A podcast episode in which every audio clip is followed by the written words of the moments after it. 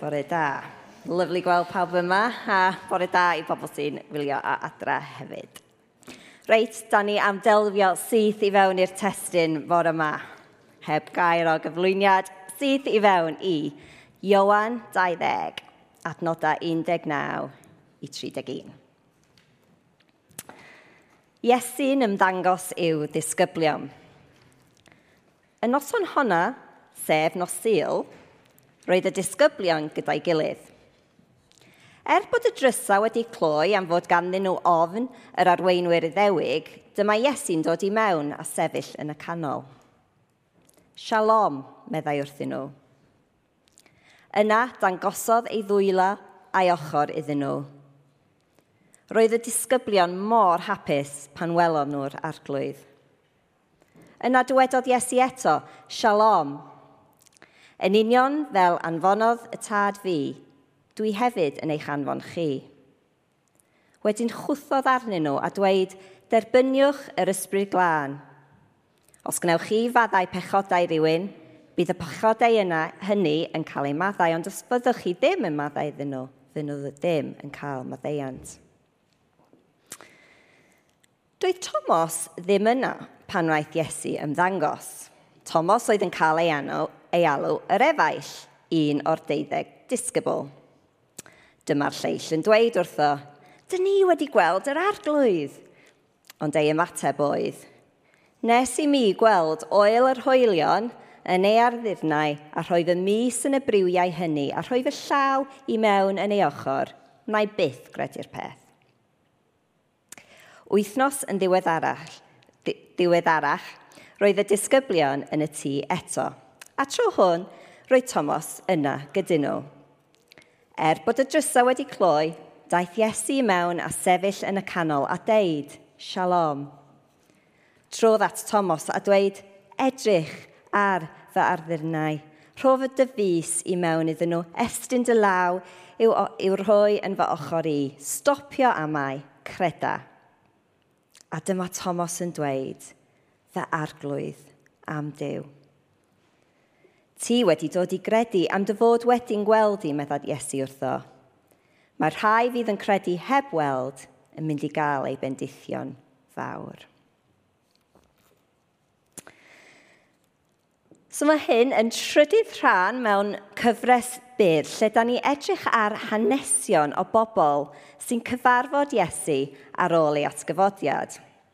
So bythefnos yn ôl, na Hana pregethu um, ar hanes Iesu yn ymddangos, ymddangos i Mair, y person gyntaf i gweld Iesu yn fyw ar ôl ei marwolaeth.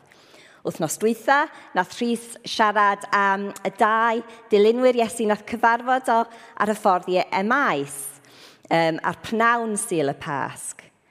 A heddiw, da ni'n darllen am Iesu yn ymddangos i'w disgyblion – ar noson Sul y Pasg ac yna i Tomos wythnos ar ôl hyn. So, da ni am mynd trwy'r testyn yma ac darpacio fo chydig bach, gweld be mae o'n deud, a wedyn dwi eisiau just tynnu rhai o'r themau allan a gweld be maen nhw'n siarad i ni heddiw. So mae'r testyn yn cychwyn ydy trwy gosod y golygfa, setio'r sîn. Mae o'n nosil y pasg a mae'r disgyblion gyda'i gilydd. Mae'r drysau wedi cloi am fod ganddyn nhw ofn yr arweinwyr i ddewig. So just meddyliwch am funud am hyn, am y golygfa yma, am beth sy'n mynd ymlaen. Sut oedd y dynion ma'n teimlo, sgwn i? Tri diwrnod gynt oedd ei arweinwyr nhw, yr un oedd nhw wedi rhoi i gobaith mewn i ffrind agos wedi cael ei ladd ar groes mewn ffordd greulon iawn. Ond wedyn y bore honno, oedd grwch o merched i dod at nhw a deud bod y bedd yn wag.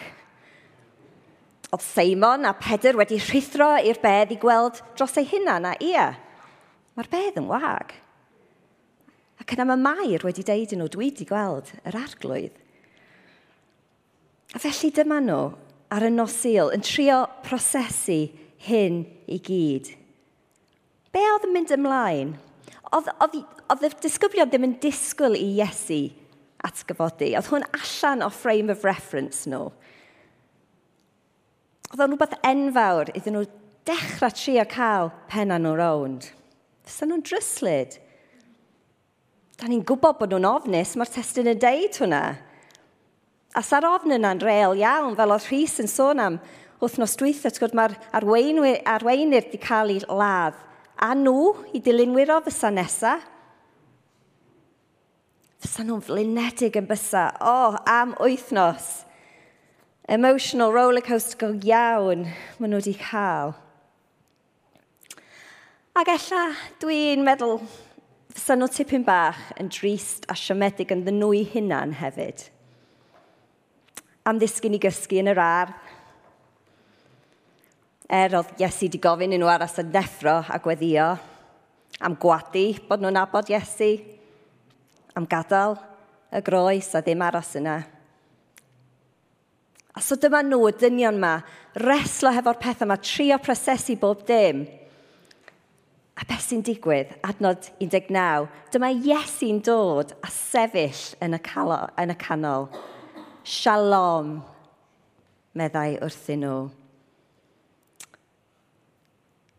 Mae'r drws di cloi, mae Iowan eisiau ni gwybod hyn, mae testyn y deud, ond dydy hyn ddim yn broblem i Iesu ar ôl i atgyfodiad. Mae o'n dod i fewn i'r stafell a deud, shalom. A oedd shalom yn gyfarchiad cyfarwydd Hebreag. A dwi'n rili really falch bod Beibl.net yn cadw'r gair shalom yna. Mae cyfieithiadau Saesneg ti a tueddu dweud peace be with you. Ond di hynny ddim yn dal ystyr gair shalom. Does na ddim cyfieithiad da i'r Cymraeg na'r Saesneg o'r gair. Mae o'n gair sydd yn golygu gymaint mwy na heddwch. Mae'n golygu cyflawnrwydd, wholeness, well-being, diogelwch, ffyniant, O'n i'n sbi ar-lein am gwahanol pob, sort of pobl oedd trio, di trio crynhoi a, a dal hyn. Holl fendithion diw, bywyd ar ei ora, perthnasau iawn rhwng pobl a diw, pobl a'i gilydd a'r creadigaeth. Mae o'n gair oh, anhygoel o gyfoethog. Ac e, ella bod y dynion yma yn eistedd fanna yn disgwyl i Iesu dod i fewn a deu a'i cerddi nhw, rebuke nhw, deud drefn wrthyn nhw am beidio aros yn effro, am ddim cael mwy o ffydd, am gwadio. Ond does na ddim hint yn hyn yn Iesu. Shalom, mae o'n deud wrthyn nhw. Shalom. Ac yna, adnodau 20, dangosodd ei ddwylo a'i ochr iddyn nhw. Cofiwch, mae hwn yn hollol allan o dealltwriaeth y disgyblion. Mae yna gymaint yn nhw cael penna nhw rownd. A felly mae Iesu yn dangos ei dwylo a'i ochr er mwyn rhoi assurance iddyn nhw, er mwyn rhoi sicrwydd iddyn nhw, i ddangos fo Iesu sydd yn siarad gyda nhw. Dwi jyst eisiau posio ar hyn am funud o'n i'n meddwl trwy hyn ddwy, a dwi'n gwybod, ydych chi erioed i meddwl pam bod y briwiau a creithiau dal yna ar corff Iesu?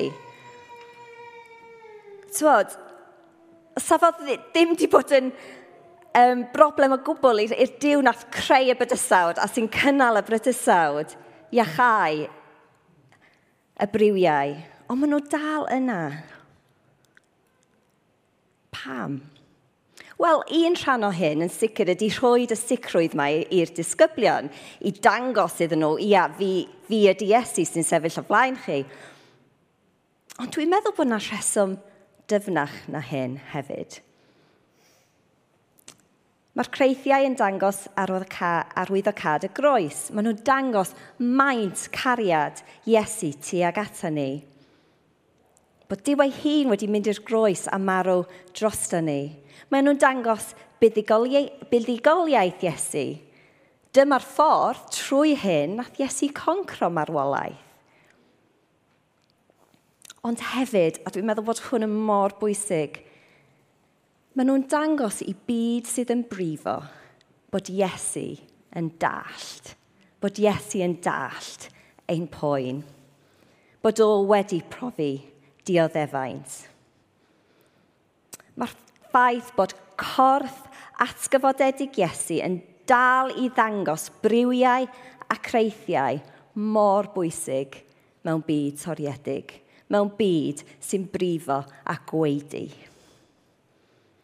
Mae Iesu hyd yn oed yn ei atgyfodiad yn cael ei nabod trwy ei greithiau. A mae gennym ni gobaith o nefoedd newydd a ddeiar newydd yn does. A mae bydd pawb sydd wedi trystio'n Iesu yn cael cyrff newydd. Fel Iesu, corff atgyfodiedig. Ond fydd na gwahaniaeth. Because fydd na dim creithiau ar ein cyrff ni. Mae yna can gyn y band Casting Crowns, un o bandiau ffefryn fi, um, o enw Scars in Heaven. A mae'r can wedi sgwennu, um, o beth dwi'n dall, y dyn a sgwennu fo, um, ar gyfer ei mam, ei mam fo, oedd wedi gofalu am rhieni hi a gweld nhw um, mynd trwy salwch um, anodd iawn ac yna marw. A mae'r can yn deud hyn. The only scars in heaven, they won't belong to me and you. There'll be no such thing as broken, and all the old will be made new.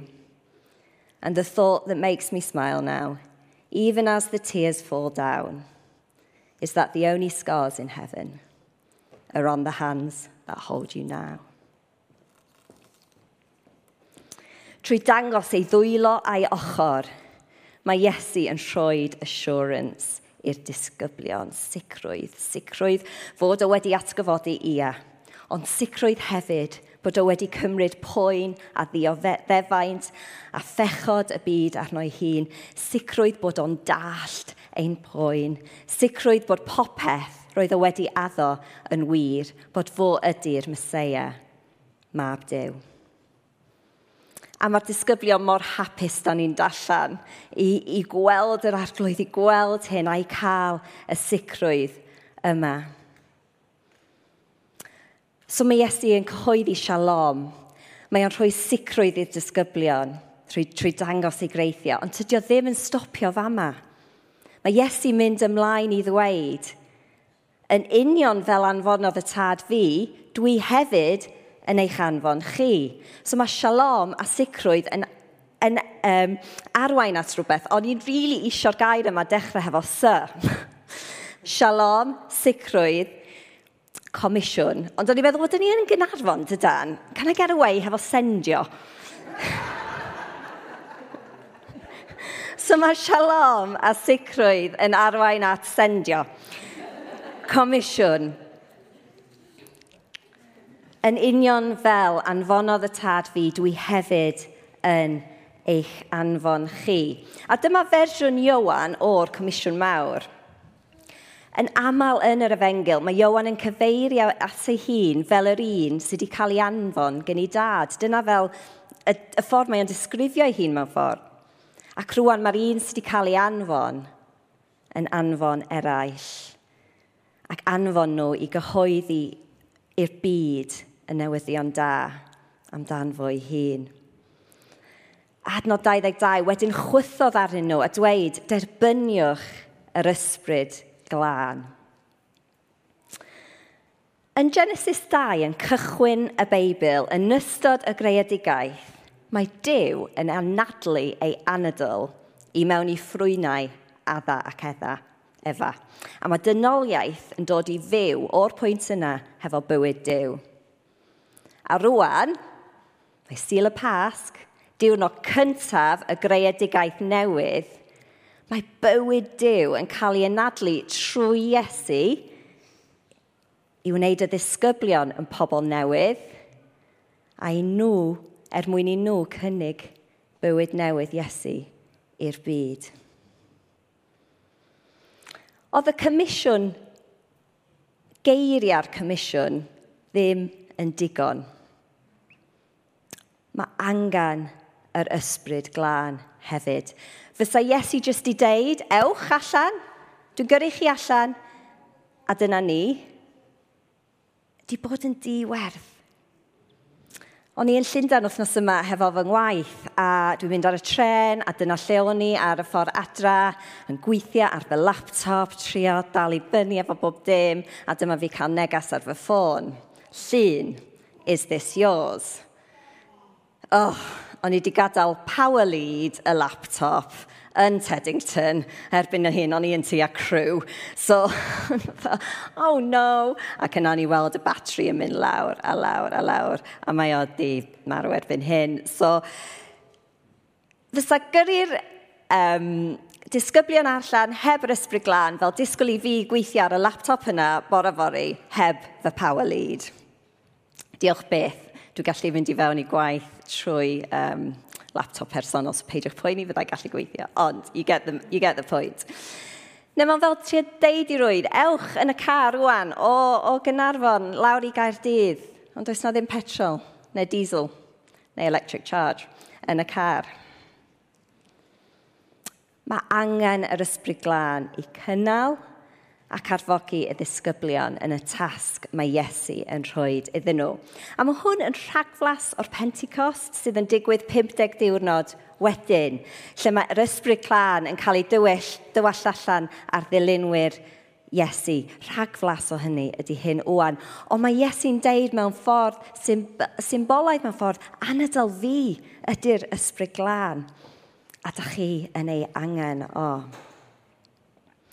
A wedyn, da ni'n mynd ymlaen i'r adnod diddorol yma, 23, ma, lle mae Iesu dweud, os gnewch chi fadda pechodau rhywun, bydd y pechodau hynny'n cael eu maddu. Os fyddwch chi ddim yn madda nhw, fydden nhw ddim yn cael maddeiant.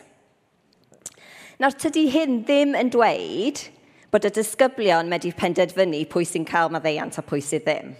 Absolutely not. Be mae o'n cyfeirio at ydy effaith y geiriau nhw pan maen nhw'n cael ei anfon i'r byd a pregethu'r ddengel yn awdurdod ysbryd glân. Maen nhw'n cael pregethu.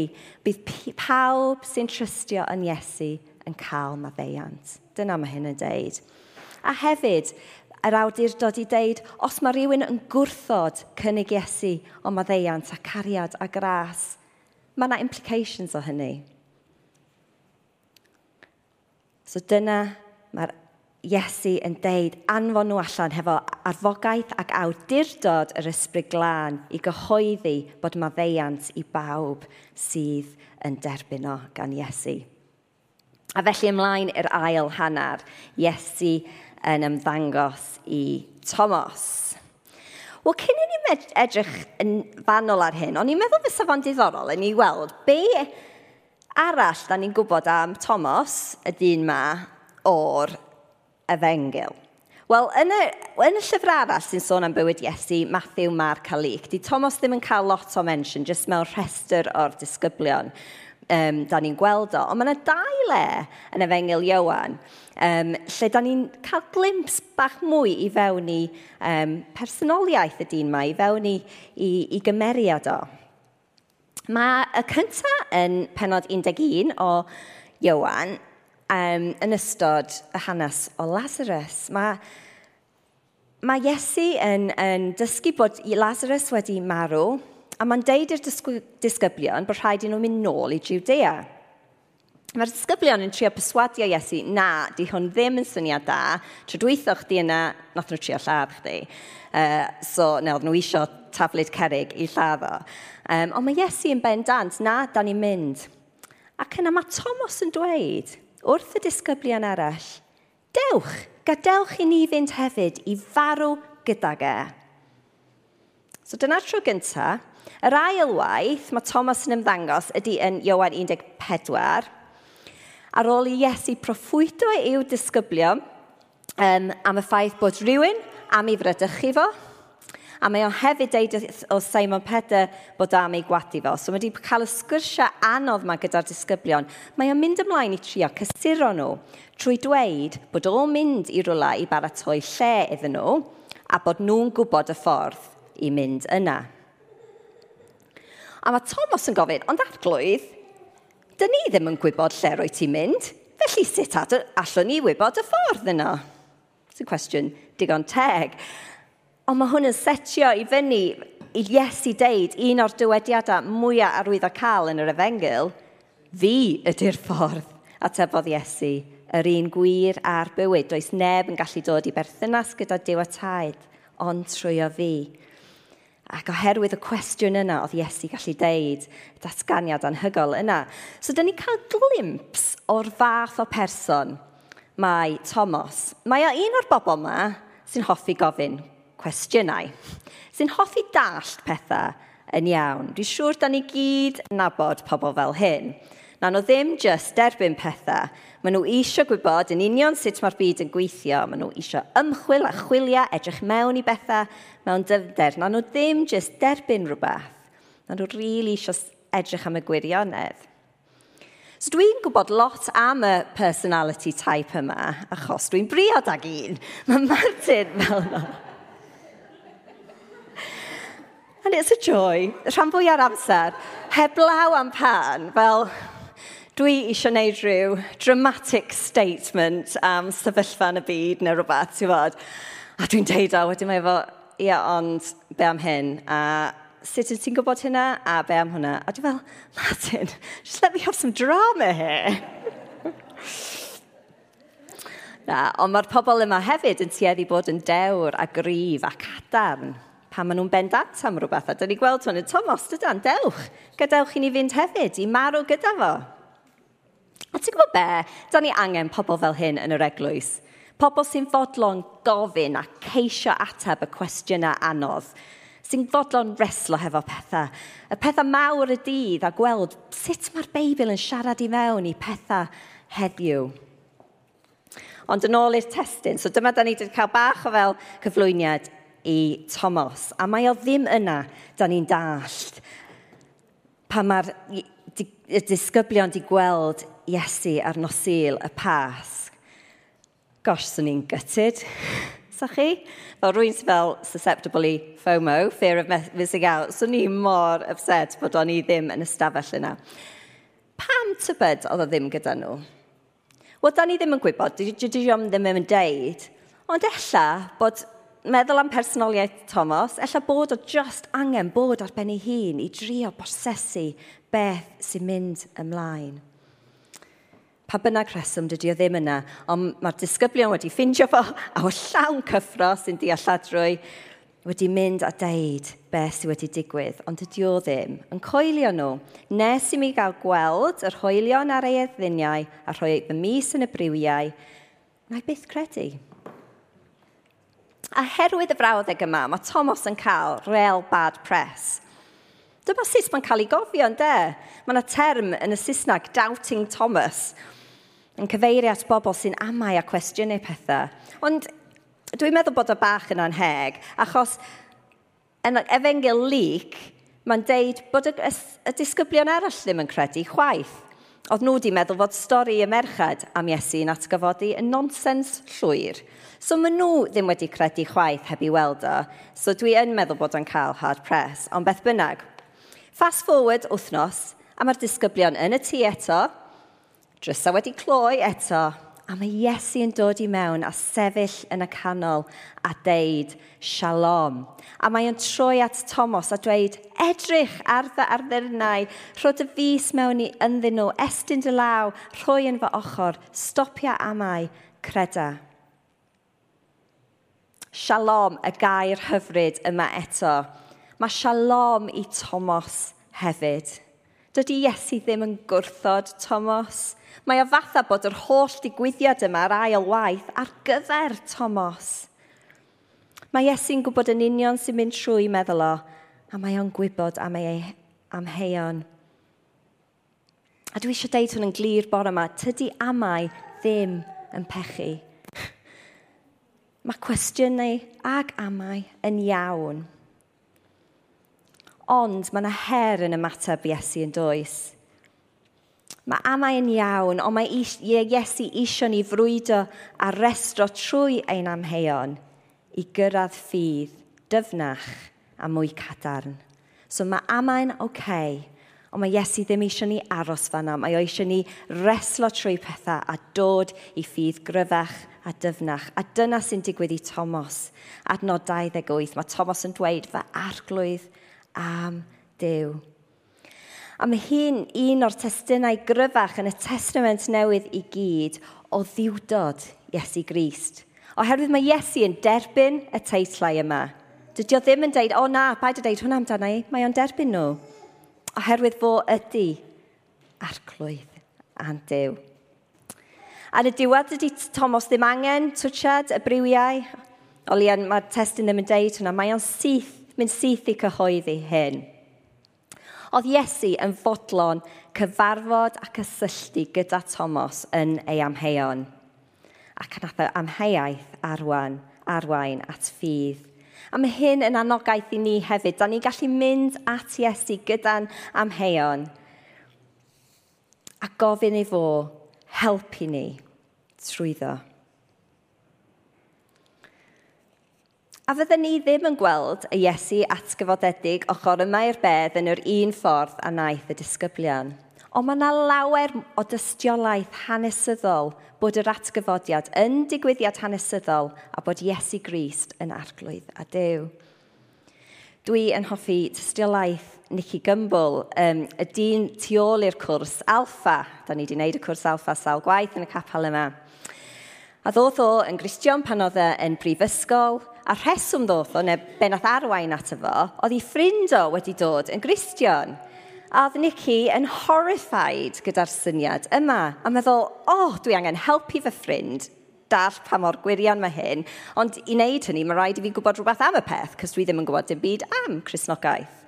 So mae Nicky Gumbel yn cychwyn darllen llyf Matthew yn y Beibl, a mae o'n mynd trwy fo, a mae o'n cario ymlaen i ddarllen a cario ymlaen. A darllen am dau diwrnod, meddwl fo, a mae'n deud, oedd o'n student ar y pryd, oedd o'n gyda fo lot amser. Um,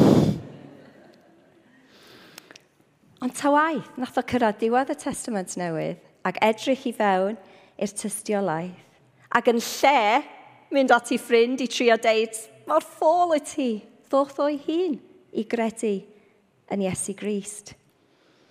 A mae o'n deud hyn, I spent 10 years studying law and practicing as a barrister. So for me, personally, evidence is very important. I don't think I could just take a, ki a kind of blind leap of faith. For me, it's a question of taking a step of faith based on good historical evidence, the life, death, and resurrection of Jesus Christ. os da chi eisiau gwybod mwy am y tystiolaeth yma, um, you know, the evidence er mwyn cymryd step o ffydd, please, please, dewch chi siarad hefo fi, neu Martin, neu rwy'n arall um, yn y capawn. A mae yna anogaeth i ni hyn, because mae Iesu'n mynd ymlaen i deud i Thomas, ti yn dod i gredu am dy fod wedi'n weld i. Ond mae rhai sydd fydd yn credu heb ei weld, heb weld, sef ni a Cresnogion eraill yn mynd i gael ei bendithion fawr. So dyna ni diwedd um, y testyn. So dwi jyst eisiau tynnu allan tri, y tri pwynt na um, be mae hwn yn eglygu ylygu ni heddiw. So mynd nôl i shalom, sicrwydd a sendio. So'r gair shalom, fel o'n i'n deud gyna, mae'n gair gyfoethog iawn. A fysa'r ddisgyblion wedi clywed y cyfarchiad yma miloedd o weithio o'r blaen. Oedd yr iddewon wedi bod yn defnyddio fo ers canrifoedd. Ond, mae yna rhywbeth arbennig iawn am Iesu yn defnyddio fo ar y diwrnod yma. Cofiwch, mae'n sil y pas cyntaf. Tri diwrnod yn gynt, oedd Iesu wedi cael ei groes hwylio. A marw marwolaeth creulon ofnadwy. Tri diwrnod yn gynt, Oedd Iesu wedi gwneud y gwaith er mwyn i bobl profi gwir shalom. Pan mae Iesu yn deud shalom ar y sil y pas cyntaf yma, dyma'r tro gyntaf i gwir, i'r cyfarchiad gallu golygu y gwir peth ar y ddeiar rwan oherwydd be mae Iesu wedi wneud. A mae'r gair shalom mewn ffordd fel part 2 i'r gair gorffenwyd mae Iesu deud ar y groes. Mae'r brwydr drosodd, mae marwolaeth wedi ei drechu, gorffenwyd. A rwan, mae'r creadigaeth newydd wedi cychwyn. Shalom, bywyd ar ei ora. A mae yna tueddiad weithiau i ni aros yn y groes, aros gyda gorffenwyd ac wrth gwrs mae'r groes mor bwysig. Ond actually dim gorffenwyd oedd y gair ola. Gorffenwyd ydy fel rhan un. Mae rhan dau yr atgyfodiad, cychwyn y greadigaeth newydd a'r posibilrwydd o gwir shalom. A'r cyfnod yma, lle mae'r ysbryd glân yn bresennol, ar ddeiar ac yn bywyd dilynwyr Iesu mewn ffordd newydd da ni angen y groes a'r atgyffodiad, gorffenwyd a shalom. A mae shalom i ni gyd. Ac ella mae yna rhai yma heddiw sy'n teimlo fel y disgyblion yna ar y noson yna. Ella yn drist a siomedig yn ni yn hunan am rhywbeth. Ella'n dryslyd. Ella'n ofnus. A dwi'n credu bore yma bod Iesu isio chi gwybod shalom. Oherwydd ei farwolaeth a atgyfodiad mae shalom ar gael i chi. Ella bod rhai yn amau fel Thomas a'r disgyblion arall. A mae shalom ar gael i chi hefyd.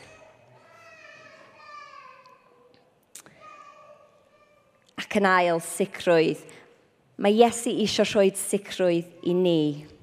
Fel rhan o'n daith mae amau yn iawn, ond tydio ddim y final destination, a mae Rhys di sôn dipyn am hyn dros y misoedd dwytha mewn gwahanol ffyrdd, bod o'n iawn i amau, bod o'n iawn i deconstructio pethau da ni jyst i derbyn weithio, ond er mwyn cael ail adeiladu yn gryfach, er mwyn symud at ffydd dyfnach y gryfach.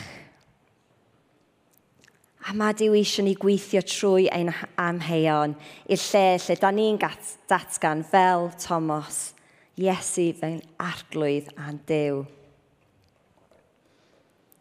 Ac ella bod na pobl hefo amheuon a dwi'n annog chi i dod ar amheuon yna i Iesu a gofyn iddo fo helpu arwain chi trwyddyn nhw.